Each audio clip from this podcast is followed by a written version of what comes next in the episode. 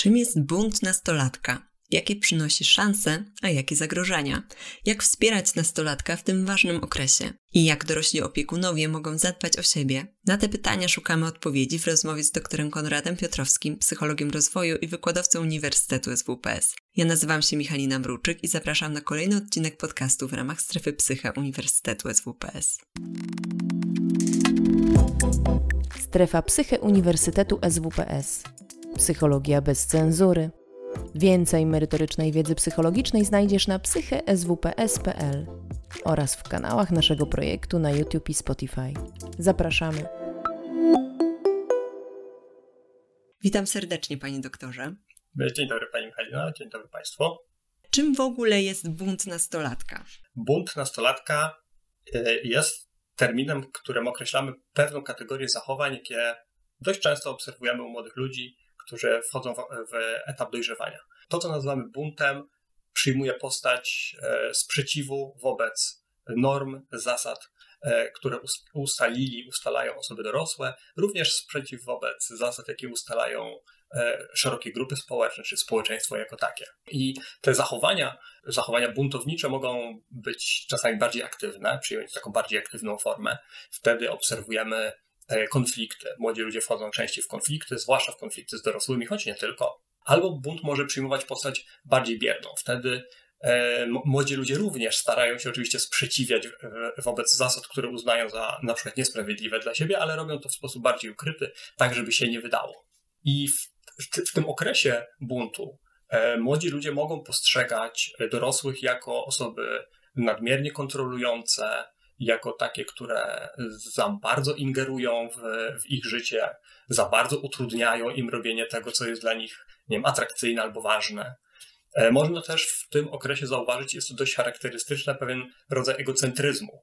E, czyli e, postrzegania świata głównie z perspektywy własnej, ewentualnie własnej grupy odniesienia, jakiejś paczki przyjaciół na przykład, i jednocześnie trudność nastolatków w uwzględnianiu cudzej perspektywy, zwłaszcza perspektywy osób dorosłych. Ale trzeba tutaj jednak zaznaczyć, e, i chciałbym to, to, to jasno zaznaczyć już na początku naszego spotkania, że nieuprawnione, a być może nawet szkodliwe jest utożsamianie okresu dorastania z okresem buntu. Nazywam to nieuprawnionym z dwóch powodów, bo e, po pierwsze, hmm, takie umiarkowane lub silne natężenie tych zachowań buntowniczych dotyczy maksymalnie około, około połowy nastolatków. E, tylko połowy lub aż połowy, w zależności od tego, jak chcemy na to spojrzeć. Hmm, w większości przypadków takie zachowania są dość łagodne. E, po drugie, słowo bunt jest też takie trochę nieładne bo ono niesie ze sobą jakieś takie pejoratywne konotacje. Mm, bunt, prawda, może oznaczać, że ktoś podważa pozycję innej osoby, że próbuje przejąć władzę na przykład, prawda, albo podkopać czyjś autorytet. No i jak my patrzymy na nastolatka przez pryzmat takiego terminu, tego terminu bunt, no to dość naturalne mogą być takie zachowania obronne, prawda? Bo skoro ktoś się buntuje przeciwko naszej władzy, no to my powinniśmy w takim razie podjąć jakieś działania, żeby temu przeciwdziałać, prawda? Trochę ten bunt stłumić na przykład, stłamsić go, e, żeby no na przykład nie utracić władzy, no i wtedy zamiast dostrzegać potencjał tego okresu w życiu, będziemy raczej się koncentrować na tym, prawda, żeby wchodzić w jakieś mniejsze bądź większe wojenki, prawda, i przeciągać linę, ustalać, kto tutaj rządzi, kto jest ważniejszy, kto ma prawo podejmować decyzje na przykład. Wtedy kompletnie, e, kompletnie możemy stracić z oczu to, czym naprawdę jest okres dorastania i to, czym naprawdę jest bunt, a on jest częścią znacznie większego procesu rozwojowego, e, który można utożsamiać z takimi terminami jak chociażby indywidualizacja, autonomia, separacja. Takie, i, i jak wolałbym, żebyśmy przez takie, przez pryzmat takich terminów patrzyli na okres dorastania, bo wtedy właśnie będziemy mówili o rozwojowym aspekcie e, tego, co nazywamy buntem, zamiast traktować go jako coś e, nie wiem, nieprzyjemnego, coś z czym należy właśnie walczyć. A czy w języku polskim jest jakieś inne określenie na ten etap? Hmm, o dobre pytanie. E, chyba w, w psychologii rozwoju, z którą najczęściej mam do czynienia, mówiąc o tym, e, o tym etapie, mówimy, że jest to okres e, budowania takiej dojrzałej autonomii, bądź też oczywiście okres kryzysu tożsamości, bądź budowania tożsamości. I w ramach tych szerokich, tych, tego szersz, tych szerszych terminów mamy oczywiście zachowania buntownicze. One są jednym z elementów tego, co, co spotyka, z, z czym się my się spotykamy, prawda, obcując z nastolatkami i z czym nastolatki się spotykają wchodząc w ten okres życia.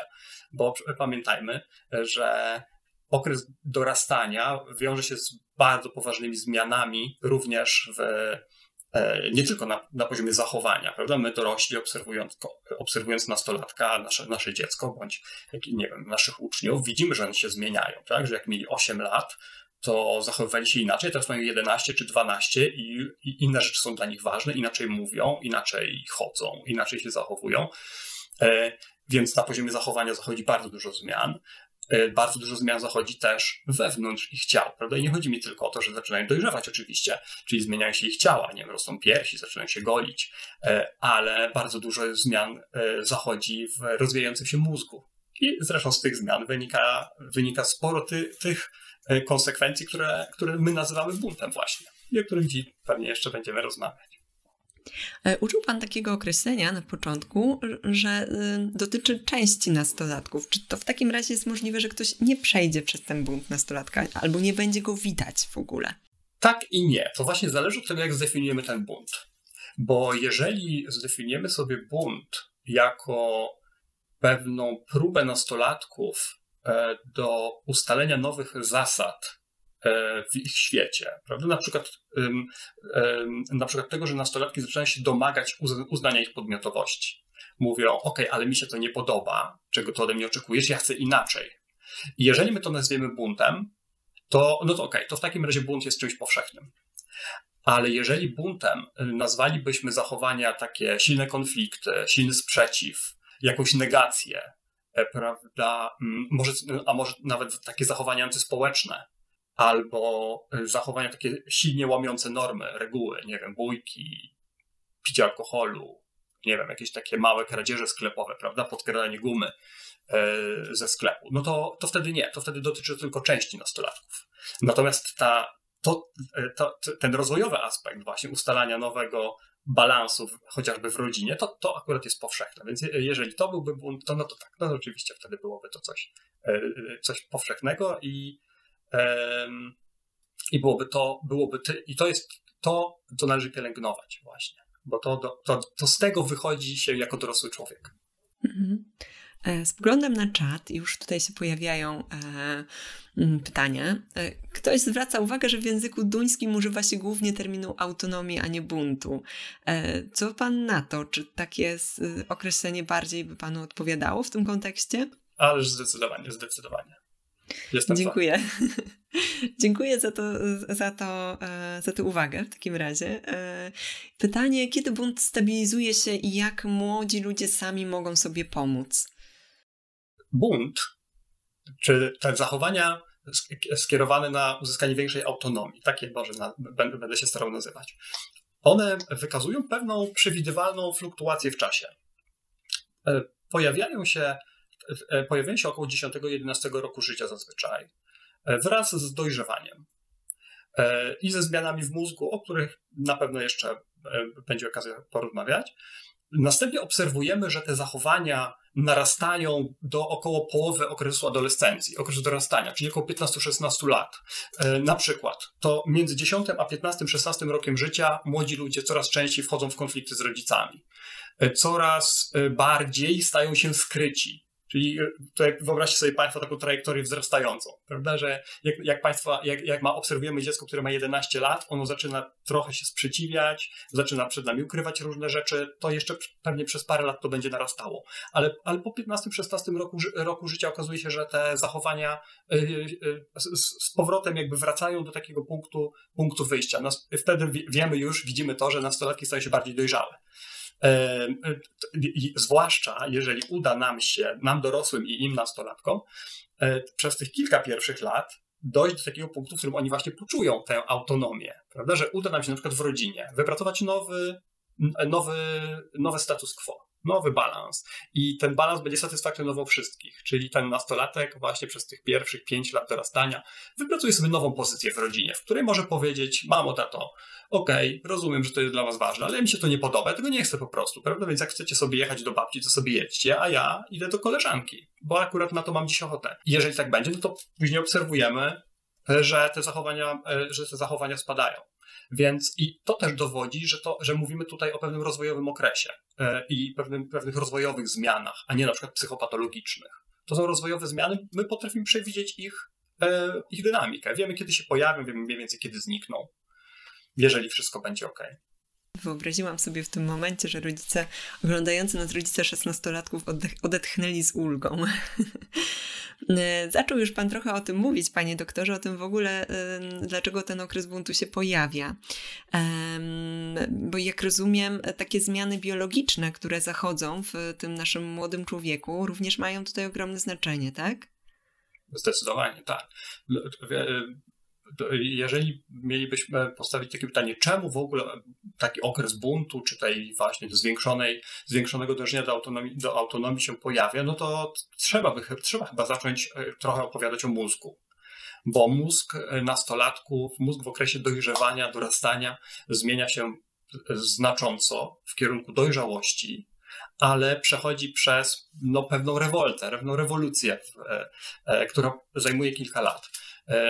Warto sobie na, na początek u, uświadomić, że dziecko około 6-7 roku życia ma już bardzo dojrzały mózg. Czyli większość połączeń nerwowych, e, jakie, jakie, jakie będziemy posiadać w trakcie naszego życia, już wtedy istnieją. Mózg jest również niemal tak duży jak u dorosłego człowieka. Oczywiście wciąż jeszcze będzie rósł, ale przez pierwszych 6-7 lat rozwija się bardzo znacząco. E, I później dziecko w okresie szkolnym, no, że tak w pewnym uproszczeniu powiem, tym mózgiem się posługuje. E, oczywiście e, rozwija kolejne połączenia i tak dalej, tak dalej. Potem przychodzi okres dorastania, dojrzewania, kiedy bardzo wiele z tych starych połączeń nerwowych, szlaków nerwowych w mózgu zostaje przyciętych. Mózg staje się bardziej ekonomiczny w tym okresie. Rzeczy, które są nieużywane, połączenia nerwowe, które są rzadko, rzadko używane, zostają przycięte, czyli przestają sterować zachowaniem dziecka. Jednocześnie tworzy się wiele nowych połączeń w mózgu. To właśnie dzięki tym nowym połączeniom obserwujemy te zmiany, że jeszcze dwa lata temu był trochę inny, a teraz jest trochę inny. E, więc pewne rzeczy zostają zlikwidowane, pewne połączenia, pewne nowe połączenia się tworzą. To jest pierwsza ważna rzecz. Inną ważną rzeczą jest, że mózg rozwija się e, nierównomiernie, czyli niestety Chociaż nie, nie, źle, źle to zabrzmiało. Nie, niestety, po prostu mózg rozwija się partiami. Czyli zaczyna się, zaczyna dojrzewać od, od tyłu, mówiąc obrazowo, czyli od części potylicznej w kierunku e, przodu, e, e, przodu twarzy czaszki, czyli w stronę kory przedczołowej. Co to oznacza? Bo to ma bardzo poważne konsekwencje. Oznacza to, że kora przedczołowa która zawiaduje naj, najbardziej skomplikowanymi operacjami umysłowymi. To dzięki korze przedczołowej możemy analizować, myśleć logicznie, wyciągać wnioski, przewidywać konsekwencje naszych działań.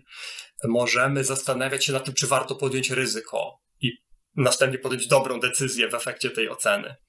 E, to są funkcje, na które nastolatek musi poczekać co najmniej kilka lat bo ta część, zwłaszcza kora przedczołowa, rozwija się jeszcze w trzeciej dekadzie życia, czyli u dwudziestokilkulatków. Dopiero około 30 roku życia mózg jest całkowicie dojrzały. E, więc e, niestety nastolatki jeszcze nie mają tego szczęścia, że ich kora przedczołowa jest dojrzała, ale jednocześnie struktury, które są no właśnie bliżej części potylicznej, są już dość, moc, dość dobrze dojrzałe. Na przykład taka struktura bardzo ważna, jakim jest ciało migdałowate. Ciało migdałowate to taka struktura, bardzo całkiem nieduża struktura, znajdująca się w środku mózgu, struktura podkorowa, e, z którą związane są takie reakcje jak na przykład e, odczuwanie emocji, e, impulsywność, zachowania instynktowne, również zachowania agresywne. I ciało migdałowate wywiera duży wpływ na funkcjonowanie nastolatków. To dlatego oni stają się na przykład labilni emocjonalnie odczuwają jakieś emocje pozytywne, a po godzinie na przykład płaczą, rozpaczając po czegoś, co im się wydarzyło, ale 30 minut później wesoło biegają, prawda, po, po okolicy, czując się świetnie, bo tam to już było, prawda, minęło. E, I takie zmiany nastrojów są właśnie skutkiem tego, że ciało migdałowate jest już bardzo aktywne, bardzo dobrze, że tak powiem, przetwa- po, pozwala przetwarzać informacje emocjonalne, ale jednocześnie kora przedczołowa nie jest w stanie jeszcze tych emocji okiełznać. I, to dla, I dlatego właśnie nastolatki stają się takie mm, zmienne, konfliktowe. E, dlatego, prawda, przechodzą z jednej skrajnej emocji w drugą skrajną emocję w ciągu zaledwie kilku minut. Poczekajmy do dwudziestu kilku lat i wtedy zobaczymy, że on coraz, że on, ten, to nasze dziecko, prawda, coraz częściej zamiast reagować, zareagować emocjonalnie, zacznie o czymś opowiadać na przykład, zacznie coś analizować. E, no, ale na to potrzebujemy trochę czasu, a oni, czyli ci młodzi, potrzebują od nas takiego czasu na to, żeby do tego dojść. Oczywiście my dorośli powinniśmy też w tym pomagać, bo chociaż mózg rozwija się, że tak powiem, siłą inercji, prawda, ewolucyjnej, to jednocześnie jest bardzo plastyczny. To, co dzieje się w życiu nastolatka, wywiera wpływ na rozwój jego mózgu i my jako dorośli mamy a, mamy absolutnie wiele narzędzi do tego, żeby pomagać im rozwijać ich mózgi, czyli żeby pomagać im dojrzewać po prostu, przechodzić przez ten okres dojrzewania. Warto też pamiętać o tym, że to dojrzewanie jest trudne też dla nich, dla nastolatków, bo myślę, że warto, żebyśmy my jako dorośli wystrzegali się też takiej perspektywy hmm, e, spoglądania na nastolatki jako, przepraszam, na te zachowania nastolatków jako coś, co jest takim dla nas kłopotem, jakimś czymś trudnym, prawda, że no tak, ten mój nastolatek to, ten mój syn, jak już został, miał 14 lat, trudny do wytrzymania jest, prawda, dla, dla mnie. Czasami też w przypadku małych dzieci to, to również jest dość widoczne w, w okresie tak zwanego buntu trzylatka.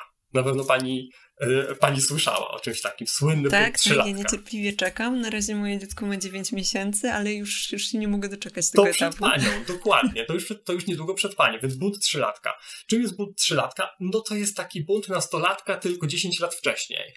Te trzylatki zaczynają się domagać zaspokojenia ich potrzeb reagują mocno, jak tych potrzeb się nie zaspokaja, prawda? Chce ciasteczko, my mówimy nie ma ciasteczka, bo będzie obiad. No to on się, prawda, zaczyna złościć, zaczyna rzucać w nas klockami, albo zaczyna płakać, albo i tak dalej, i tak dalej. To akurat mówię z pewną taką e, mm, z pewnym takim no, zaniepokojeniem i smutkiem, że rodzice często widzą ten okres negatywnie. Znaczy nie takim, że to jest taki problem, prawda, że, że ten nastolatek, mm, przepraszam, że to dziecko, ten, ten trzylatek, prawda, wymusza, że on próbuje manipulować nami. I z tego powodu znów zaczynamy się bronić, e, prawda, mówią, robiąc różne rzeczy, żeby się, żeby się nie dać, no bo przecież nie możemy pozwolić e, trzylatkowi, żeby nami manipulował. Więc musimy jakoś, prawda, wejść do tej walki i ją wygrać. I z tego wynikają tylko kłopoty, bo wtedy nie dostrzegamy, że przecież on po raz pierwszy w życiu, w okolicy tego trzeciego e, roku życia, uzyskał wgląd w to, że on ma potrzeby, że on może dążyć do ich zaspokojenia, na przykład, ich chce czegoś. To jest fantastyczne słowo, które się wtedy pojawia. Chce. E, wcześniej dzieci, prawda, jeszcze tego nie mówią, a wtedy mówią, chcę tego. Jak im powiemy, że nie, to oni mówią, ale czemu nie, jak ja tego chcę? E, no i teraz to trzeba pielęgnować, bo to jest fantastyczna cecha. E, którą przecież chcemy, żeby dzieci to miały, prawda? Kto by nie chciał takiego, wychować takiego młodego człowieka, młodego dorosłego, który idzie przez życie mówiąc, ja chcę tego i zrobię wszystko, żeby to mieć, prawda? My chcemy tego. Więc trzeba to, trzeba to pielęgnować u trzylatków. E, oczywiście nie znaczy, że pozwalać im na wszystko. Nie, nie. Trzeba mądrze to pielęgnować, o czym pewnie jeszcze będzie okazja powiedzieć. No i teraz prze, przeskakujemy 10 lat później i to wraca znowu. Znowu mamy do czynienia z autonomią, znowu mamy do czynienia z chcę, znowu mamy do czynienia z ja, tak samo jak u trzylatków. Hmm. I znowu pojawia się to ryzyko, że wejdziemy w taki, że, że stworzymy taki negatywny obraz tego prawda, że coś się znowu dzieje, o jakim męczący. Kiedyś był taki słodki, prawda, potulny i posłuszny, a teraz ciągle nie, nie, ja chcę, ja nie chcę. E, to jest spore zagrożenie e, dla nastolatka, kiedy dorośli wejdą w taką negatywną narrację, bo to trzeba pielęgnować. My powinniśmy dbać o to, żeby on mówił nam, czego nie chce, na przykład, co mu się nie podoba w życiu, prawda? Jak on by chciał, żeby jego życie wyglądało. Tak właśnie tego oczekujemy od dorosłych, prawda? Że on kiedyś, jak będzie miał 25 lat i ktoś mu powie w pracy, hej, albo nie, albo inaczej, że na przykład, prawda, że on będzie na studiach i ktoś powie, hej, wiesz, mam tutaj skręta, może sobie zapalimy. A, I my chcemy, żeby on powiedział, nie, nie chcę tego, na przykład. Prawda? Albo powiedział, że chce, jak będzie chciał. E, Oczywiście nie chciałbym e, absolutnie promować e, e, tego typu zachowań, ale no rzecz w tym, że my chcemy, żeby on podejmował decyzje, prawda? Najlepiej mądre decyzje. A nawet Więc... jeżeli nie będą to mądre decyzje, to żeby potrafił wziąć odpowiedzialność za swoje wybory. O, dokładnie tak, dokładnie tak. Więc trzeba, trzeba to pielęgnować tylko mądrze. W żaden sposób nie zwalczać. Raczej negocjować, dyskutować. Mamy to szczęście, że nastolatki, chociaż ta ich kora przedczołowa wciąż no jeszcze jest na etapie rozwoju, to zwróćmy uwagę, jak fantastycznie, w jak, jak fantastycznie złożony sposób nastolatki potrafią już myśleć. Dzieci myślą konkretnie, potrzebują konkretnego przedmiotu, o którym mogą na przykład rozmawiać, rozmyślać. E, nastolatki zaczynają myśleć już abstrakcyjnie, mogą zastanawiać się nad, nad sprawami, nie wiem, czym jest szczęście, jak ja chcę spędzać życie, z kim ja chcę, chcę się kolegować, czyli ja, z jakimi, nie wiem, dziewczynami ja chcę się kolegować, a jakie dziewczyny to mi nie, nie, nie pasują. Um, potrafią już planować dość dobrze przyszłość, prawda? Co będę robiła w wakacje? na przykład, nie wiem, dziewczyna 12 czy 13 latka w styczniu rozmawia ze swoimi rodzicami o tym, że w wakacje to ona by chciała zrobić coś tam. Zwróćmy uwagę, jak jak rozwinięta jest już perspektywa czasowa w tym okresie i my możemy z tego zrobić użytek. Jaki? No więc taki, że z nastolatkiem można dyskutować. Nastolatki uwielbiają dyskusje, bo są też bardzo rozwinięte już językowo. E, są też bardzo kreatywne, więc lubią rozwiązywać problemy różne, zwłaszcza jak się je potraktuje podmiotowo, jak na przykład postawi się problem, ok, musimy coś zrobić, taki przykład przyszedł mi teraz do głowy, e, w którym na przykład, no nie wiem, nastolatek wraca z imprezy o wiele za późno w stosunku do tego, na co się umówił ze swoimi rodzicami. Więc rodzice oczywiście, no, nie ma żadnego powodu, żeby byli zadowoleni. Mówią mu, hej, jesteśmy niezadowoleni, bo miałeś być o 23, a jesteś o drugiej. I, I, następnego dnia siadają z nim i mówią tak, posłuchaj, okej, okay, wczoraj byłeś na imprezie, wróciłeś o drugiej, chociaż była, umowa była inna. E, więc my się denerwowaliśmy i stresowaliśmy, bo nie odbierałeś telefonu. Więc chcielibyśmy wymyślić co, jakiś taki sposób, żeby w przyszłości tak nie było nie? Pomóż nam i wspólnie coś ustalmy. Co zrobić, żeby tak w przyszłości się nie działo? I teraz, jak, jak my włączymy go w to, to po prostu dajemy mu oczywiście pewną formę też władzy nad sytuacją. No bo pytamy go, hej, czego ty chcesz? Jak on zaproponuje nam coś, co jest zupełnie od czapy, czyli powie, no po prostu chcę sobie wracać, o której mi się podoba, to my możemy powiedzieć, nie, okej, okay, to okej, okay, to może dla ciebie to jest dobry pomysł, ale nie dla nas. Musimy ustalić coś innego. I tak dalej, i tak dalej. Czyli szukamy jakiegoś kompromisu. Przy, przy okazji tego uczymy go e, kompetencji społecznych, czyli ustalania jakiegoś konsensusu. E, dajemy mu prawo myśleć o sobie, że rzeczywiście jest już prawie dorosły, tak jak mu często mówimy. Prawda? E, nastolatki dość, też, w ogóle dzieci zbyt często żyją w, w takim dziwacznym świecie, w którym w którym dorośli jedno mówią, a coś innego robią. Prawda? Czyli e, jestem przekonany o tym, że jak ktoś ma 15-16 lat, to bardzo często słyszę od, od, dorosłych nauczycieli, rodziców czy, czy innych dorosłych, na przykład, no jesteś już prawie dorosła, więc musisz na przykład zachowywać się odpowiedzialnie, prawda? Ale jak przychodzi do podejmowania decyzji, to czasami nie, nie możesz tego zrobić, bo ja tak zdecydowałam, prawda? Albo zdecydowałem. To jest przecież zaprzeczeniem dorosłości. Żaden dorosły nie pozwoliłby sobie na to, żeby ktoś podejmował decyzję bez jego udziału. A w każdym razie nie powinien tego robić. Um, więc okres adolescencji jest tym czasem, kiedy musimy to ćwiczyć z nimi po prostu. Oni, no właśnie, już o tym powiedziałem, są labilni emocjonalnie, zmienni, nie panują jeszcze nad, nad tym swoim całym e, wewnętrznym światem, bo jeszcze nie mają rozwiniętej kory przedczołowej, no mówię tak bardzo oględnie, i potrzebują wokół siebie dojrzałych dorosłych, spokojnych, zrównoważonych, którzy pomogą im przejść przez tych kilka lat. Pierwszych 5-6 lat dorastania jest najgorsze. Potem podobno jest z górki. Moja córka ma 11 lat, więc ja jeszcze tego nie wiem.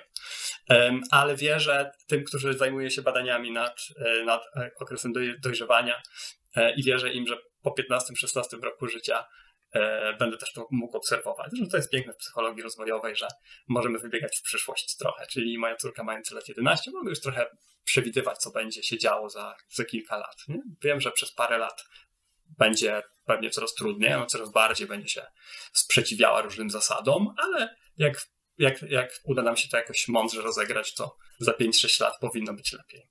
Kiedy mówił Pan o tych analogiach takich między mm, okresem dojrzewania, a takim okresem e, niemowlęcym czy poniemowlęcym, to tak mi przyszło do głowy, że rzeczywiście tych podobieństw jest sporo, czy dotyczących takiego fizycznego rozwoju tych dzieci, a, a później tej młodzieży, e, czy też nabywania nowych kompetencji, e, zmiany sposobu myślenia. To, to jest, mm, tak myślę sobie, bardzo dużo e, takich punktów wspólnych. Natomiast ten okres dojrzewania jednak trwa dłużej i odbywa się w takich warunkach takiej dużej samoświadomości. I wyobrażam sobie, że to musi być bardzo trudne i niejednokrotnie też takie przerażające dla tych nastolatków. I mi samej e, tutaj e, rodzi się takie pytanie i widzę, że nasi widzowie również o to pytają, jak możemy tym nastolatkom pomóc? No oczywiście na wiele sposobów.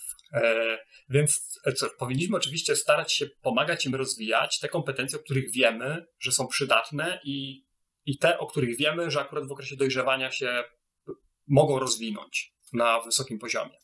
Więc, więc tak, po pierwsze, powinniśmy z nastolatkami przede wszystkim dużo rozmawiać, e, również o ich świecie. I co to znaczy rozmawiać o ich świecie? Więc po pierwsze, my jako dorośli powinniśmy rozmawiać z nimi o rzeczach, o których my wiemy, choć oni sobie niekoniecznie zdają sprawę, że są im potrzebne. Na przykład ciało bardzo ważny punkt odniesienia dla nastolatków. E, punkt odniesienia, czyli e, nastolatki myślą o sobie często przez pryzmat tego, jak wyglądają. Ma to swoje dobre i złe strony. Z jednej strony nastolatki są bardzo twórcze, jeśli chodzi o na przykład styl ubierania się. Prawda? Lubią podkreślać ubiorem e, to, jak się czują albo kim się czują. Z drugiej strony no, w obecnym świecie, niestety bardzo mocno zdominowanym przez bardzo surowy kanon urody, zwłaszcza dotyczący dziewczynek, no patrzą na siebie też dość krytycznie. No i teraz my dorośli powinniśmy, czy wiemy o tym, więc powinniśmy zrobić z tego użytek, że zwłaszcza dziewczynki, ale nie tylko, powinniśmy przygotować do tego świata, w którym ich wygląd jest oceniany, więc powinniśmy o nim rozmawiać po prostu. Już z, najlepiej oczywiście wcześniej, zanim to do, do, tego dojdzie. O tym, że ludzie różnie wyglądają, że, że nie wiem, jedni są wysocy, inni łysi, a, a inni E, nie wiem, ani niepełnosprawni, nie mają jakichś kończyn i że po prostu ludzie tacy są. Już. E, I że trzeba po prostu to przyjąć jako coś normalnego, tak jak to, że jedni mają białą skórę, a inni czarną. Dalej, jeśli chodzi o ciało, to e, innym takim ważnym aspektem w tym okresie jest to, że oczywiście nastolatki dojrzewają, czyli zmieniają się też w, zmieniają się ich ciała w kierunku takiej większej oczywiście dojrzałości, również seksualnej a więc rosną im piersi, nie wiem, pojawia się miesiączka, pojawia się, nie wiem, trądzik, yy, nie wiem, zarost, no, najróżniejsze rzeczy i o tym też trzeba rozmawiać. Dlatego, że niestety, ale jak pokazują badania nastolatki, pomimo tego, że zgrywają chojraków, to bardzo mało wiedzą o tym, co się dzieje z ich ciałami. A z drugiej strony y, te zmiany są dla nich niepokojące albo mogą być niepokojące. Prawda, że na przykład, czy coś, co akurat rośnie, czy rośnie w dobrym tempie, prawda, albo czy dobrze wygląda, albo czy te pryszcze to są normalne, czy to jest objaw jakichś, nie wiem, trudności. Niestety, ale to my musimy za to wziąć odpowiedzialność, bo nastolatki mogą nie mieć wystarczającej albo motywacji, albo takiej otwartości, albo mogą się trochę też wstydzić, e, żeby o tym mówić, więc powinniśmy postarać się my to w jakiś sposób zrobić jako dorośli. Hmm.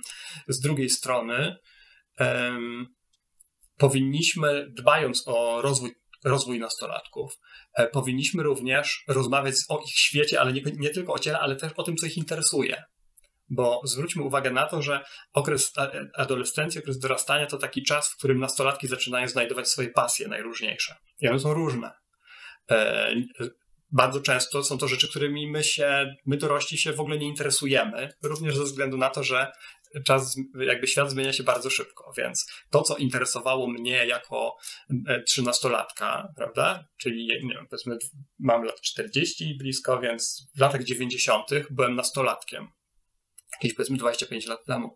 No i wtedy coś tam mnie interesowało po 25 latach wyobrażam sobie, że chłopców współczesnych interesuje coś zupełnie innego, bo to jest inny świat po prostu. I e, będąc rodzicem e, czy nauczycielem, powinniśmy się interesować tym, co oni robią. I, a, ale nie w kategoriach, prawda, tego, że powinniśmy sprawdzić, czy akurat coś tam nie grozi, co oczywiście też warto trzymać rękę na pulsie, ale po to, żeby oni, żeby, żeby mieć wspólną płaszczyznę, na której możemy się porozumiewać.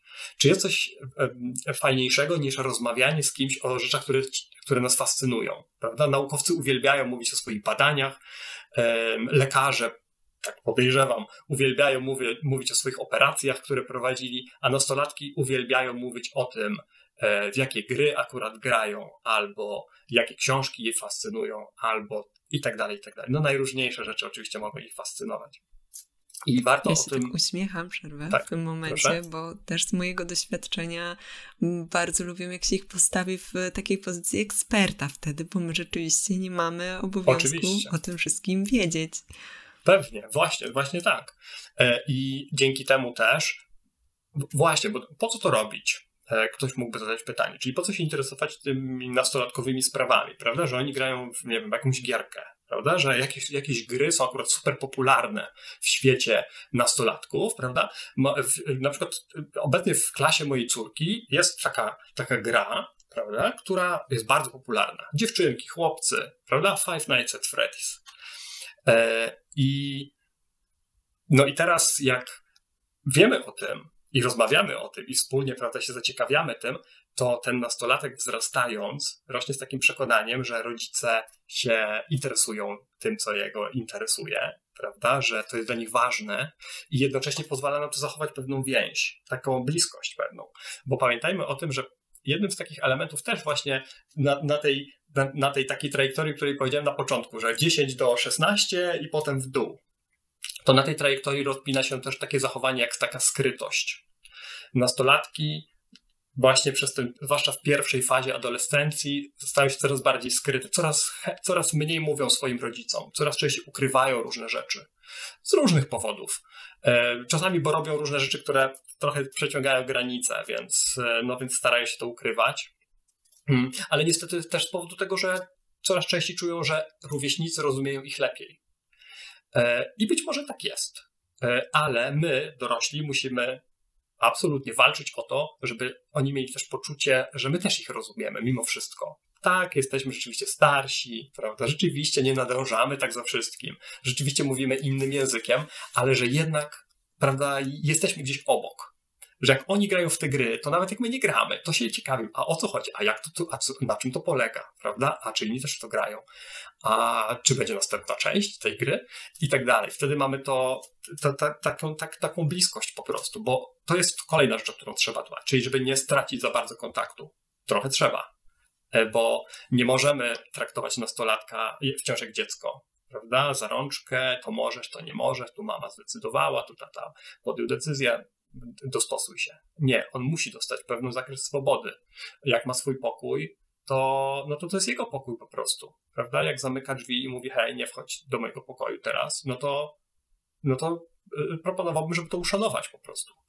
E, ale z drugiej strony e, powinniśmy dążyć do tego, żeby no, jednak jak najwięcej zachować. Więc to jest kolejna rzecz, jeśli chodzi o, y, kolejna rzecz ważna, o którą, o którą należy dbać.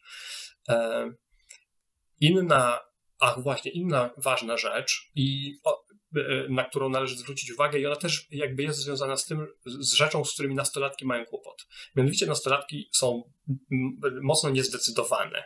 Mają kłopot z podejmowaniem decyzji. To też to wynika właśnie też z tej, z tej jeszcze nie do końca dojrzałej struktury, jaką jest ta kora przedczołowa. Więc są często niezdecydowane. Nie, nie bardzo wiedzą, co chcą na przykład. Nie bardzo wiedzą, na co się zdecydować. I w tym powinniśmy również im pomagać. Jak? No oczywiście rozmawiając o ich dylematach i problemach. A może to, a co myślisz o tym? A wiesz, jak ja byłam w twoim wieku, to ja robiłam to. E, co ty o tym myślisz? Bo oni mają z tym po prostu kłopot. Więc warto to robić, czyli znać problemy nastolatka, rozmawiać o nich, pomagać im podejmować te decyzje, bo to je, po prostu jest trening. Trening podejmowania decyzji. Bardzo ważna kompetencja. E, prawda? Chcemy, żeby, żeby nasze dzieci miały tę kompetencję, żeby umiały podejmować decyzje, no to to jest czas, żeby właśnie im pomagać w przekraczaniu tych trudności, no, o, o, o których istnieją po prostu wiemy. Kolejna rzecz, może to będzie taka ostatnia z tych, które tutaj wymienię i które teraz przychodzą mi do głowy, mm, to wsparciem dla nastolatka jest też sytuacja, w którym w domu ma pozytywne modele, na których może się wzorować. Mam tutaj na myśli oczywiście jego najbliższych, których on obserwuje, od których się uczy różnych rzeczy, dobrych i złych. Pewnym takim bardzo ciekawym, może paradoksem okresu adolescencji, który jest obserwowany w badaniach, jest to, że nastolatki postrzegają swoich rodziców jako o wiele ważniejszych niż chcą przyznać. E, czyli jeżeli zapytamy taką kilkunastoletnią dziewczynę czy chłopaka, czy on, nie wiem, wzoruje się na swoich rodzicach, czy nie wiem, naśladuje swoich rodziców, czy jakoś, jak coś ma zrobić, to myśli, co by rodzice zrobili, to on powie, że absolutnie nie. Gdzież tam. Ale jednocześnie wiemy, że tak jest. Oni oczywiście potrafią to przyznać, jak się im zapewni anonimowość, jak się ich, e, im powie, że nikt się nie dowie, prawda, że jak, e, jaka jest prawda. To oni to, to nagle się okazuje, że rodzice są bardzo ważnym punktem odniesienia do nastolatków. Co to oznacza? To oznacza nie mniej, nie więcej, tylko tyle, że trzeba być pozytywnym wzorcem. Jeżeli no, najprostszą z najprostszych chyba, najprostszym z przykładów, jakie można by tutaj sformułować, e, jest no, chociażby palenie papierosów. Pewne zachowanie nie, no, nie, nie, niespecjalnie, e, niespecjalnie E, nie, niespecjalnie przy, przyczyniające się do zdrowia nastolatków, ale niestety coś, co w okresie adolescencji się pojawia, czyli no, często ludzie zaczynają palić w tym czasie właśnie. Badania pokazują, że dzieci palących rodziców częściej palą. E, czemu? No bo oczywiście wzrastają w tym środowisku, prawda, palących od swojego dzieciństwa. To traktują to jako coś naturalnego, jako pewną część doros bycia dorosłym. E, zresztą też jako dzieci, prawda, jak, się, jak sięgają po papierosa, to słyszą nie, to jest dla dorosłych. Prawda? Tak samo jest z innymi takimi e, używkami jak alkohol.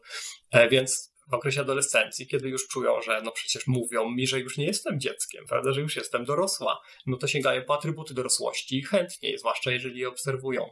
Ale to oczywiście taki przykład bardzo mm, no, bardzo konkretny. Bycie dobrym modelem to jest pokazywanie, jak rozwiązywać konflikty, to jest pokazywanie, jak radzić sobie z agresją, e, jak nastolatek, e, a wiemy już o tym, że jest labilny, trudno podejmować decyzje, zagubiony, no więc on czasem wchodzi z nami w konflikt, krzyczy, nie wiem, sprzeciwia się, buntuje, mówi nam czasem może nie, niefajne rzeczy. No i teraz, co my jako dorośli powinniśmy zrobić? Odpowiedzieć tym samym, prawda? Nawrzeszczeć na niego, trzasnąć drzwiami, prawda, wyjść z domu, mówić, nie będę z tobą więcej rozmawiała, dopóki się nie uspokoisz. Co wtedy robimy? No przecież robimy dokładnie to samo.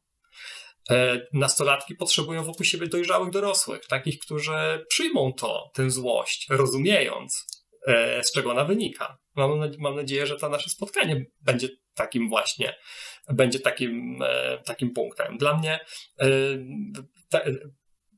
dla mnie, te, może dlatego też psychologię rozwoju psychologią rozwoju się zająłem, bo dla mnie kiedyś właśnie na studiach psychologicznych psychologia rozwoju była takim, tak, takim przedmiotem, który pozwolił mi nagle zrozumieć tak wiele rzeczy. Prawda? Czemu dzieci zachowują się tak, a nie inaczej? Czemu nastolatki są takie? Czemu ja byłem taki jako nastolatek, a nie inny? Prawda? Jak to zrozumiemy, że on wciąż jest dzieckiem, to jego mózg jest jeszcze taki no niewykształcony, on tak się szarpie trochę z tymi emocjami e, i czasem na nas nawrzeszczy albo powie coś niemiłego no to łatwiej to przyjąć, jak rozumiemy, co za tym stoi. Nie, że on nie jest zły, że nie wiem, nie, nie opętał go szatan, prawda? Albo że nawet jak mówi, że nas nienawidzi, to, to przecież tak nie jest. Jasne, że tak nie jest, my to wiemy. A w każdym razie powinniśmy wiedzieć. No i wtedy możemy to przyjąć, powiedzieć, ok, jesteś zły, ja to rozumiem, ale kochanie, no przecież to i to, prawda? Musisz zrozumieć, że, że są też inni ludzie wokół ciebie, tak? Że są jakieś zasady, które my ustalaliśmy.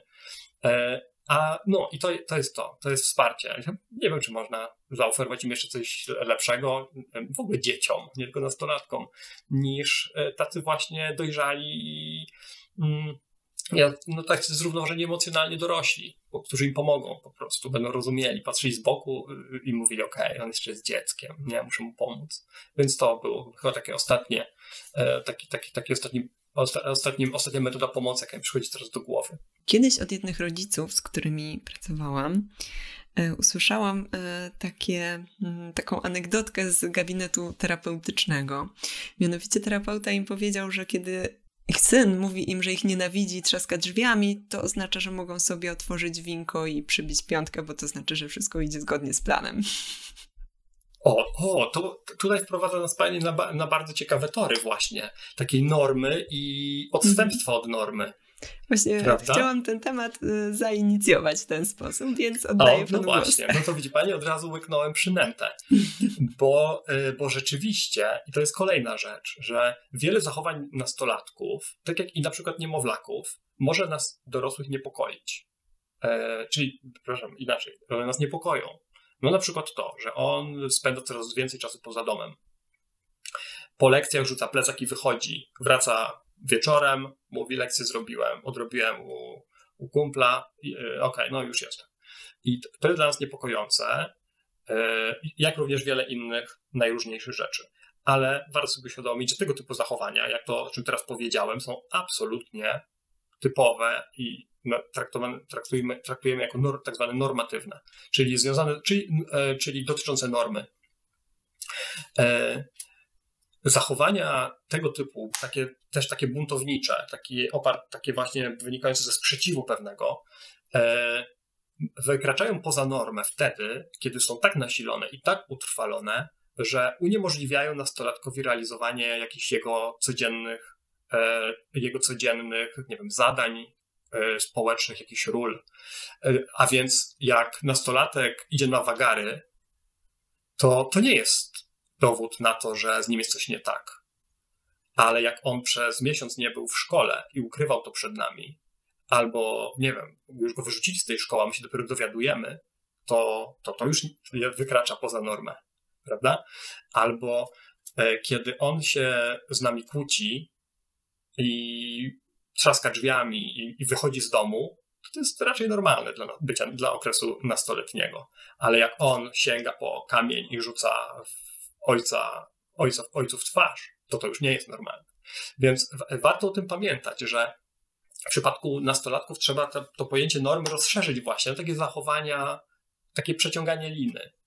To jest dla nich ważne, ale to jest, to jest po to, żeby zostać dojrzałym dorosłym. E, no i znów teraz, e, ponieważ e, jako psycholog rozwoju to, to uwielbiam takie balansowanie po tej linii życia, to wyskoczę znowu na chwilę do dzieciństwa. Bo, bo to nie inaczej jest wtedy, kiedy dzieci są malutkie. Pani, pani Michalino powiedziała, że ma dziewięciomiesięczne dziecko. Więc w przypadku na przykład tak małych dzieci zachowania normatywne są bardzo szerokie. Czyli możemy spotkać dziecko w takim wieku niemowlęcym jak pani dziecko, które po paru miesiącach swojego życia tak śpi całe noce, ciągle uśmiechnięte, prawda, kontaktowe, e, chętnie, prawda, chętnie tam wodzi wzrokiem za nowymi obiektami czy nowymi ludźmi. Okej. Okay. Obok niego może położyć, możemy położyć niemowlaka, który budzi się co dwie godziny i przez najbliższe cztery lata będzie tak robił będzie się ciągle budził, będzie, nie, będzie e, trudno będzie go uspokoić, będzie dużo płakał. My nie będziemy wiedzieli, czemu on płacze. Będzie unikał nowych ludzi. No i teraz my mamy te dwa niemowlaki obok siebie i one są zupełnie normalne. Są normalne niemowlaki. Takie są po prostu. Jedne są takie, drugie są takie. Tak samo jest z nastolatkami. E, jedne są bardziej, nie wiem, ugodowe, spolegliwe, inne są bardziej zbuntowane, bardziej bardziej zależy im na tym podkreślaniu swojej, swojej niemalże już dorosłości. E, I one, to są też zupełnie normalne, normalne, nie chciałem powiedzieć znowu niemowlaki, e, to są zupełnie normalne, zupełnie normalne nastolatki. Sprawa może oczywiście wybiec w złe rejony, jak to w każdym okresie życia, bo okres adolescencji też ma swoje oczywiście zagrożenia. E, na przykład zaburzenia zachowania, prawda, które mogą się rozwinąć w którymś momencie życia. Nie rozwijają się tak same z siebie. E, te zaburzenia zachowania. Po pierwsze, czasami dotyczą dzieci z, różnymi, z różnego rodzaju problemami biologicznymi, nie wiem, nadpobudliwością psychoruchową na przykład. Z drugiej strony wiemy, że środowisko rodzinne, takie nadmiernie, kryty, nadmiernie krytyczne, zbyt surowe, gdzie dziecko doświadcza na przykład przemocy, prawda, krzyczy się na nie, e, nie wiem, obraża się to dziecko.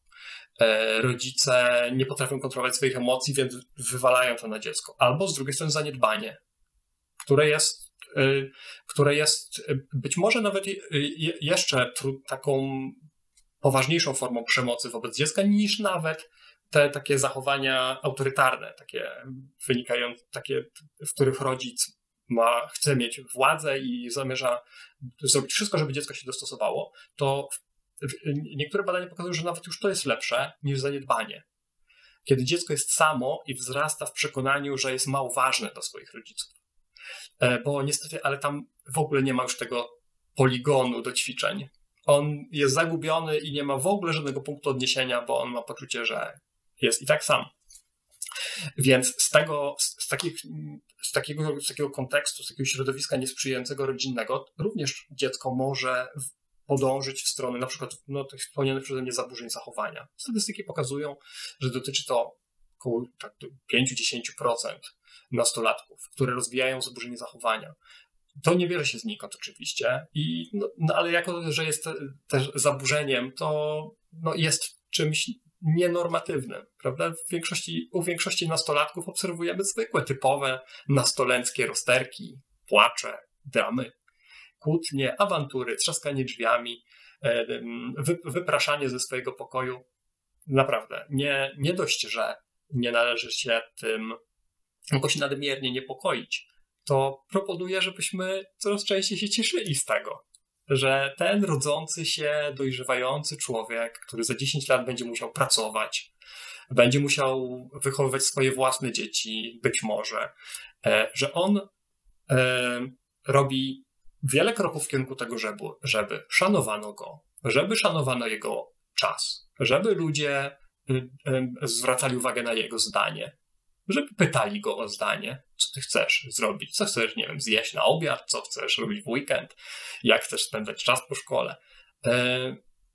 Trzeba im dawać do tego przestrzeń, bo no bo przecież my chcemy taki, tak naprawdę chcemy, żeby on taki był, prawda? Żeby, żeby był, sam stanowił o siebie, decydował. I to jest to, że powinniśmy znaczy to jest ten punkt, w którym nie możemy tego zepsuć. Jak to zepsujemy, no to wtedy pojawiają się różnego rodzaju trudności. I jak będziemy to pielęgnować, albo chociaż łaskawym okiem obserwować, to z tego będą tylko dobre, e, do, wynikną tylko dobre skutki, zwłaszcza dla niego, ale też dla nas. Y, czyli podsumowując, y, to co nazywamy buntem nastoletnim będzie tak naprawdę tylko jednym ze sposobów, e, w jaki będzie się manifestowało to osiąganie autonomii w okresie nastoletnim, tak? Zdecydowanie tak. E, I tutaj nas widzowie pytają właśnie o różnego rodzaju różnice, takie indywidualne różnice między nastolatkami, jak na przykład mm, ten okres buntu, czy też okres osiągania autonomii będzie się różnił w zależności od temperamentu dziecka. Pytają nas to, o, co, o czym już przed momentem Pan mówił, Panie doktorze, czyli właśnie o odróżnienie mm, takiej normy od, y, od tego momentu, kiedy ten nor, ta norma jest przekroczona. A także dość dużą uwagę poświęcają takiej sytuacji, kiedy nastolatek nie przechodzi buntu. Czy możemy w takim razie y, tutaj do, do tych różnic pomiędzy mm, tą strategią osiągania autonomii przejść? Mhm, pewnie. E, to zacznę od końca, bo to jest rzeczywiście bardzo ciekawa rzecz z tym nieprzechodzeniem buntu. Warto sobie uświadomić, że my jako społeczeństwo bardzo się zmieniliśmy przez ostatnich kilka dekad. E, nasze podejście do wychowywania dzieci również bardzo się zmieniło. E, w porównaniu do tego, jak wychowywano dzieci przed 50 czy 70 laty, zmieniło się bardzo dużo, również w, w kierunku tego, że dziś nie, dzieci nie muszą już walczyć z dorosłymi o to, żeby być wysłuchanymi, żeby żyć po swojemu, żeby pielęgnować swoje własne jakieś zainteresowania. Nie muszą o to walczyć. I, i dlatego e, wiele z nich nie ma, takiej, nie ma w sobie takiej, takiej potrzeby, e, żeby jakoś nadmiernie z tymi rodzicami wchodzić w konflikt, bo być może nie ma potrzeby po prostu. E, oni nie, ma, nie, nie muszą tego robić, bo być może z rodzicami e, na przykład je, mogą się dogadać może akurat są taką grupą, taką rodziną, w której swobodnie się komunikują, prawda? Ktoś mówi, czego chce, ktoś mówi, OK, spróbuję ci to pomóc jakoś osiągnąć, albo dogadajmy się, więc tutaj no, nie ma takiej potrzeby, żeby, prawda, trzaskać drzwiami, mówić, nie, jak, prawda, musisz się zgodzić, bo inaczej, prawda, będzie, będzie katastrofa. No jak nie ma takiego, nie ma takiego silnego konfliktu, to też będą to, te zachowania będą po prostu rzadsze. Czy one wtedy nie wystąpią? E, nie, nie będą występowały być może konflikty tak intensywnie, ale jeżeli nastolatek w tym swoim środowisku, dajmy na to rodzinnym, zaspokoi swoje potrzeby, czyli to, że jest wysłuchany, że, jest, że jego potrzeby są zaspokojone, no to jakby ten proces rozwojowy zmierza i tak w dobrym kierunku. Tak? Czyli z tego dziesięciolatka dziecka powoli, powoli wzrasta na dorosły, który ma przekonanie, że jak mówię, że czegoś chcę, to inni to szanują i pozwalają mi zazwyczaj to zrobić. No chyba, że przeginam, to wtedy stawiają jakieś granice. E, więc konkludując, owszem, w porównaniu do poprzednich dekad więcej jest teraz dzieci, u których nastolatków, o, o których możemy powiedzieć, że nie przechodzą takiego buntu, takiego typowego. Dlatego też ja nie lubię tego słowa tego słowa bunt, bo ono nie opisuje dobrze tego, co się wtedy dzieje, bo bunt nie jest potrzebny. Bunt bywa potrzebny. O, może tak to e, e, podsumuję. E, chyba, że, no i teraz druga strona, bo prze, przejdźmy do, na stronę zagrożeń. Okres dorastania jest też takim czasem, gdzie rośnie ryzyko na przykład pojawiania się różnego rodzaju zaburzeń psychicznych, jak chociażby depresja albo zaburzenia lękowe. E, no i teraz trzeba odróżnić prawda, spokojne wzrastanie prawda, i dojrzewanie bez jakichś tam poważnych konfliktów czy ekscesów, odróżnić od sytuacji, w której ktoś cierpi na przykład na depresję. Dość łatwo możemy to zdiagnozować, prawda? Ze względu na to, że zaburzenia psychiczne mają swoją kategoryzację, istnieją systemy klasyfikacyjne i diagnostyczne, e, więc jeżeli, nie wiem, nasz nastolatek od kilku tygodni ma bardzo obniżony nastrój, jest skryty, za, zarzuca aktywności, które jeszcze niedawno go fascynowały, przestaje chodzić do szkoły, nie utrzymuje kontaktów ze swoimi jeszcze do niedawna fantastycznymi kolegami, mówi, że nic mu się nie chce, cały dzień spędza w łóżku, no to wtedy za, za, zaczyna nam świecić lampka, prawda, ostrzegawcza. E, oczywiście jak to się dzieje przez jakiś czas, prawda, nie jak przez weekend to się będzie działo, o tym też trzeba pamiętać. E, no a z drugiej strony e, a, ale trzeba to odróżnić od sytuacji takiej, że mamy do czynienia z dzieckiem, które jest introwertywne raczej, lubi spędzać czas samot, sa, na przykład w samotności. Trzeba też odróżnić i być może okres, adolescencji w ogóle jest ważnym momentem, w którym my dorośli musimy, musimy się nauczyć to odróżniać. E, samotność od osamotnienia. Bo E, czy, czymś zupełnie innym jest e, przebywanie we własnym towarzystwie i, i odczuwanie satysfakcji z tego powodu, a czym innym jest poczucie, że jestem sam i cierpię, prawda, bo mnie odrzucają w grupie, bo nie mam kolegów, prawda? Są dzieci i dorośli również, bo to z tych dzieci ci dorośli się biorą, którzy lubią na przykład w weekend posiedzieć sobie w domu, jak jest spokojnie, właśnie właśnie harmider, tłok, hałas, zmiany ich męczą. E, i lubią spędzać czas we własnym towarzystwie, poczytać sobie, poleżeć w wannie, nie wiem, poglądać telewizję. I to jest absolutnie normalne. E, I u, dla nasto, u nastolatków też. Nie wszystkie nastolatki muszą być ciągle zafascynowane, prawda, pogonią za, za doświadczeniami, jakimiś ekscesami, za grupą rówieśniczą. Nie, niekoniecznie tak musi być. I to też będzie norma. Tak jak te niemowlaki, które obok siebie położymy, prawda? Ten spokojny niemowlak i ten, prawda, taki niespokojny. Tak samo będzie z nastolatkami. E, poza tym właśnie, że są te skraje. Po pierwsze, na jednym skraju mamy zaburzenia internalizacyjne, lęki, depresje. I to są, ale to są, pamiętajmy o tym, sytuacje, które sprawiają temu nastolatkowi cierpienie. On cierpi nie jest w stanie realizować swoich, zaspokajać swoich potrzeb, realizować zadań. Po drugiej stronie mamy tak zwane zaburzenia eksternalizacyjne, agresję, przemoc, kradzieże, przestępczość, e, bójki. I jak, jak widzimy, że dziecko jest na którymś z tych skrajów, inter bądź eksternalizacyjnym, to okay, to się niepokoimy. Szukamy specjalisty, prawda, idziemy do terapeuty. Najlepiej sami najpierw pójdźmy, zanim to dziecko zgłosimy, prawda? Bo może się okaże, że to my mamy problem większy niż to dziecko i że jak my rozwiążemy nasz własny problem, to okaże się nagle, że dziecko już nie ma problemów. E, zbyt często jest to akurat prawdziwe. E, a, ale pomiędzy tym są po prostu zwykłe dzieciaki, jedne bardziej, prawda, zamknięte w sobie, takie bardziej do wewnątrz, introwertywne i niektóre bardziej otwarte, ekspansywne, ekstrowertywne.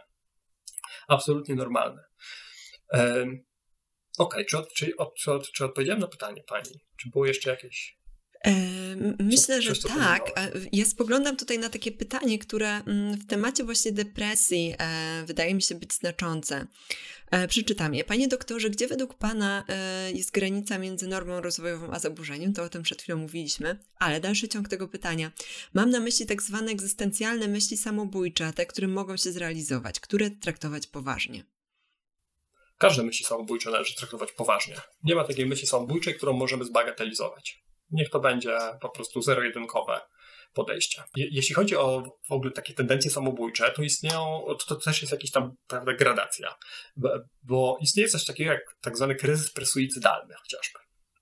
Obserwujemy to u różnych, czasami też u nastolatków, czasami u młodych dorosłych, czasem u starszych dorosłych, e, pewną taką fascynację śmiercią, e, przebąkiwanie o tym, nie takie już działania E, prawda, jakieś, nie wiem, skierowane na odebranie sobie życia albo nawet na zagrożenie własnego życia, ale pewne takie niepokojące być może sygnały, prawda, że ktoś zaczyna się obracać w środowisku, nie wiem, którym ten temat śmierci jest często poruszany.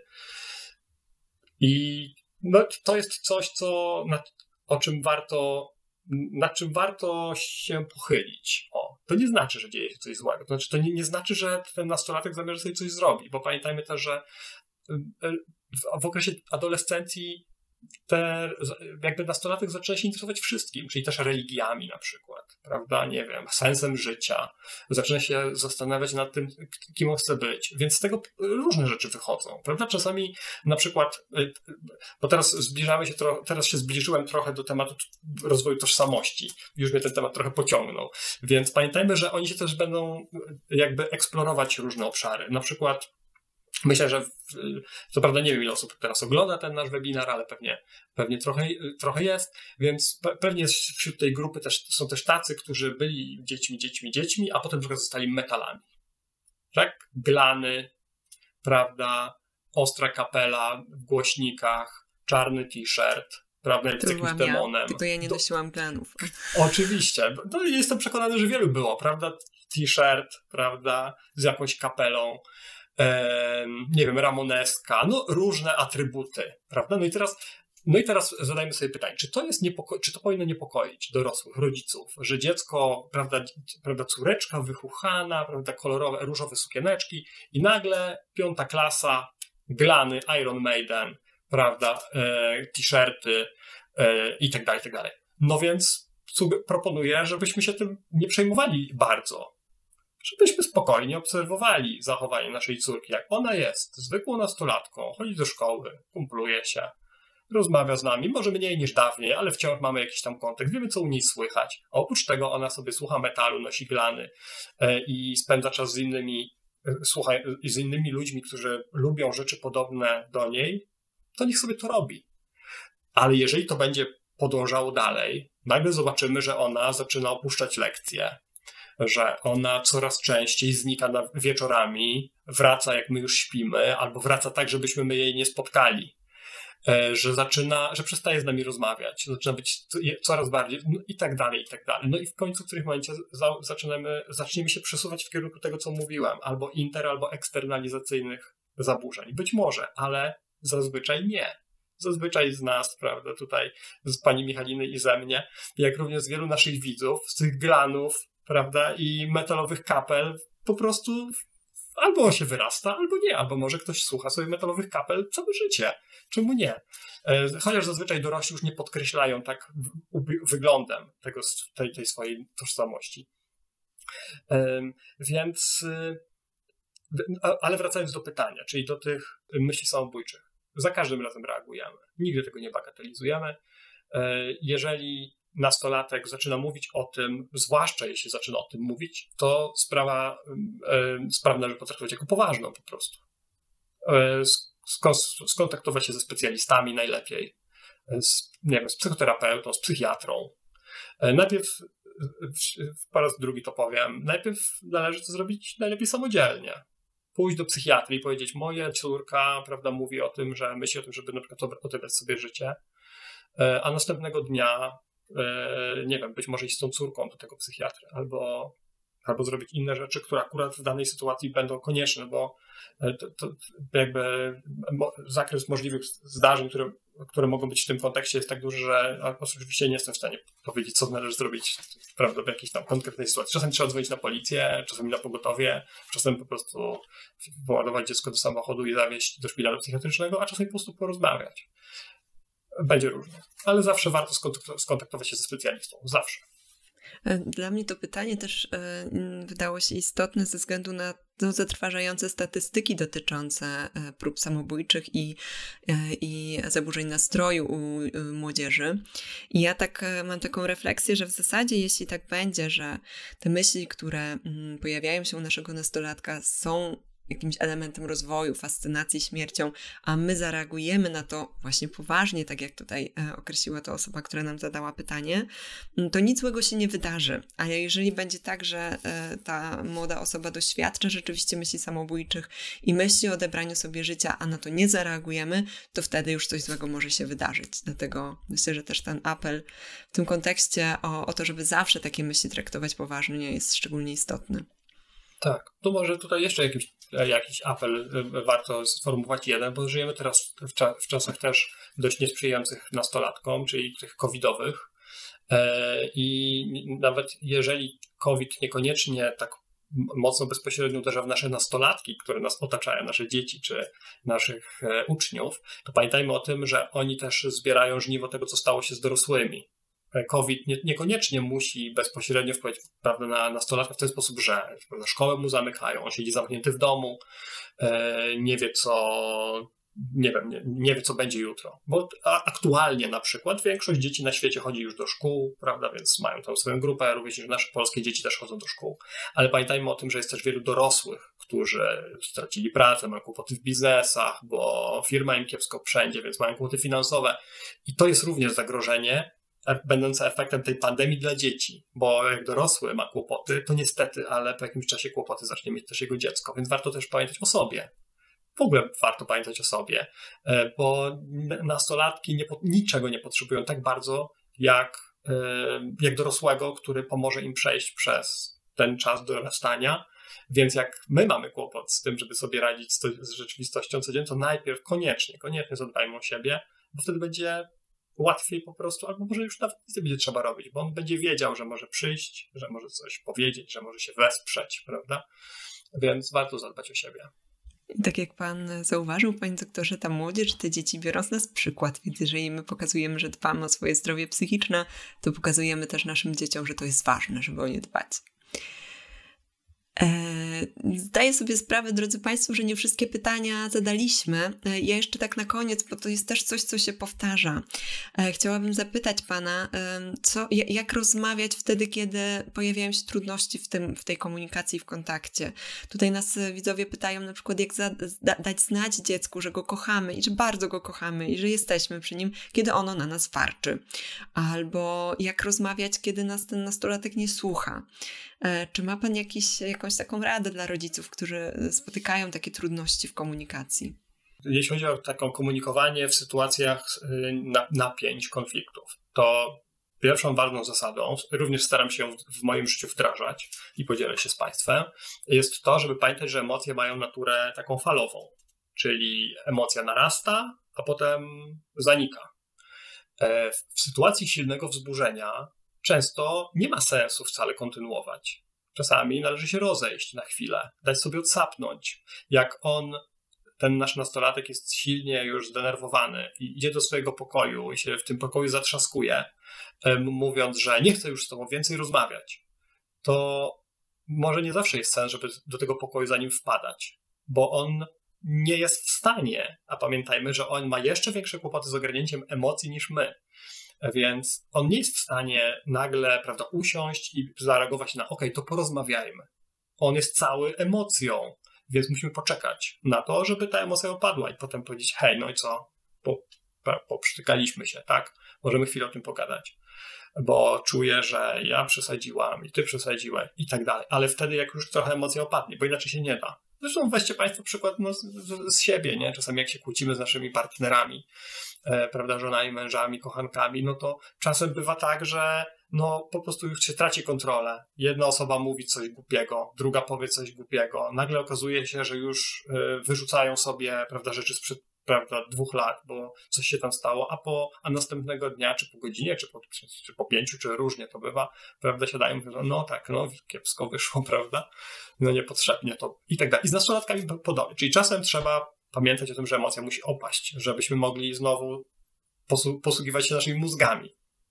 Hmm. E, druga sprawa, pamiętajmy o tym, że komunikacja taka emocjonalna w rodzinie jest czymś, co nie może się dziać z nienacka. Czyli je, jeżeli rozmawiamy w ogóle rzadko ze sobą i nagle w sytuacjach trudnych budzimy się okej, okay, trzeba pogadać o tym, to pamiętajmy o tym, że nie ma, że on, ten nastoletni jest do tego przyzwyczajony. Że my przychodzimy na przykład i pytamy, hej, co tam u ciebie słychać, bo widzę, że się kiepsko czujesz.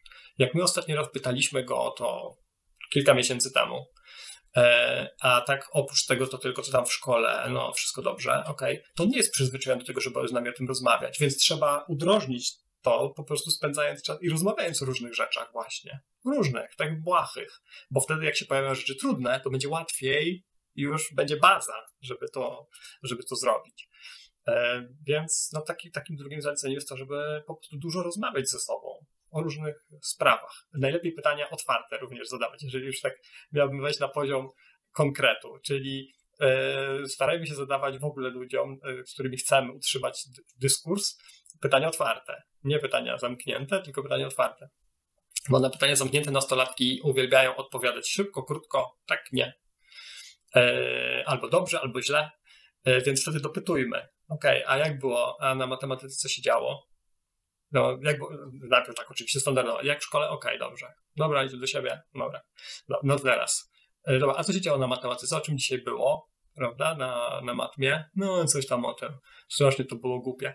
A no, no tak, pamiętam. Wiesz jak ja byłem w szkole, to było podobnie. No, nic się nie zmieniło.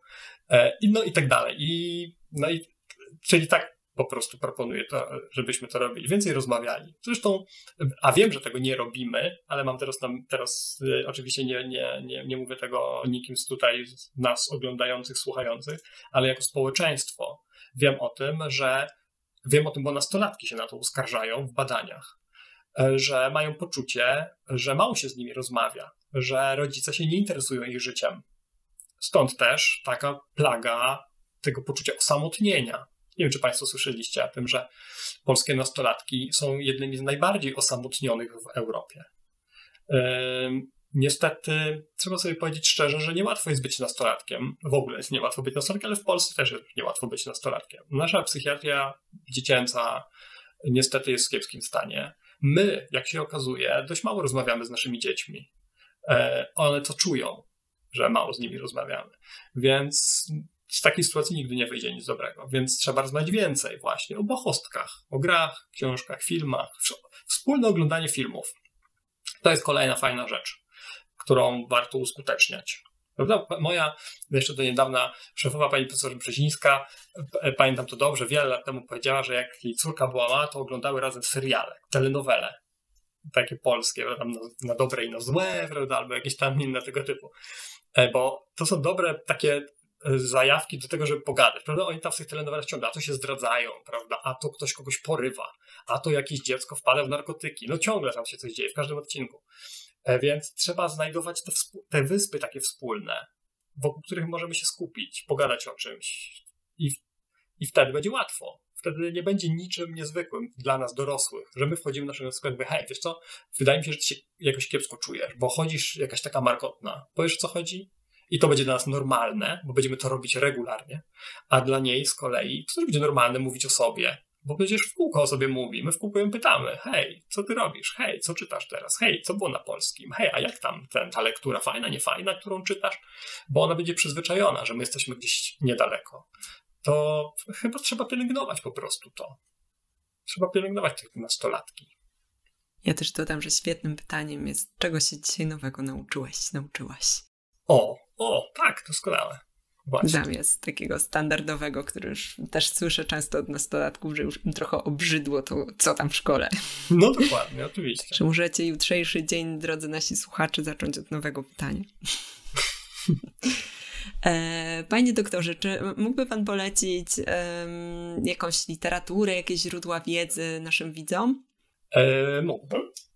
E, zupełnie nieprzypadkowo zerknąłem na moją półkę i dwie książki wpadły mi w oko, e, które mnie dużo nauczyły. I, no i oczywiście z, peł z pełną odpowiedzialnością mogę Państwu polecić. Jedna z tych książek to książka dla osób, które chcą się dowiedzieć więcej o dzieciach, jakie są dzieci, jak się zmieniają i tak. A druga to książka dla osób, które chcą lepiej poznać samych siebie. Czemu się zachowują tak, a nie inaczej, czemu reagują tak, a nie inaczej i tak dalej.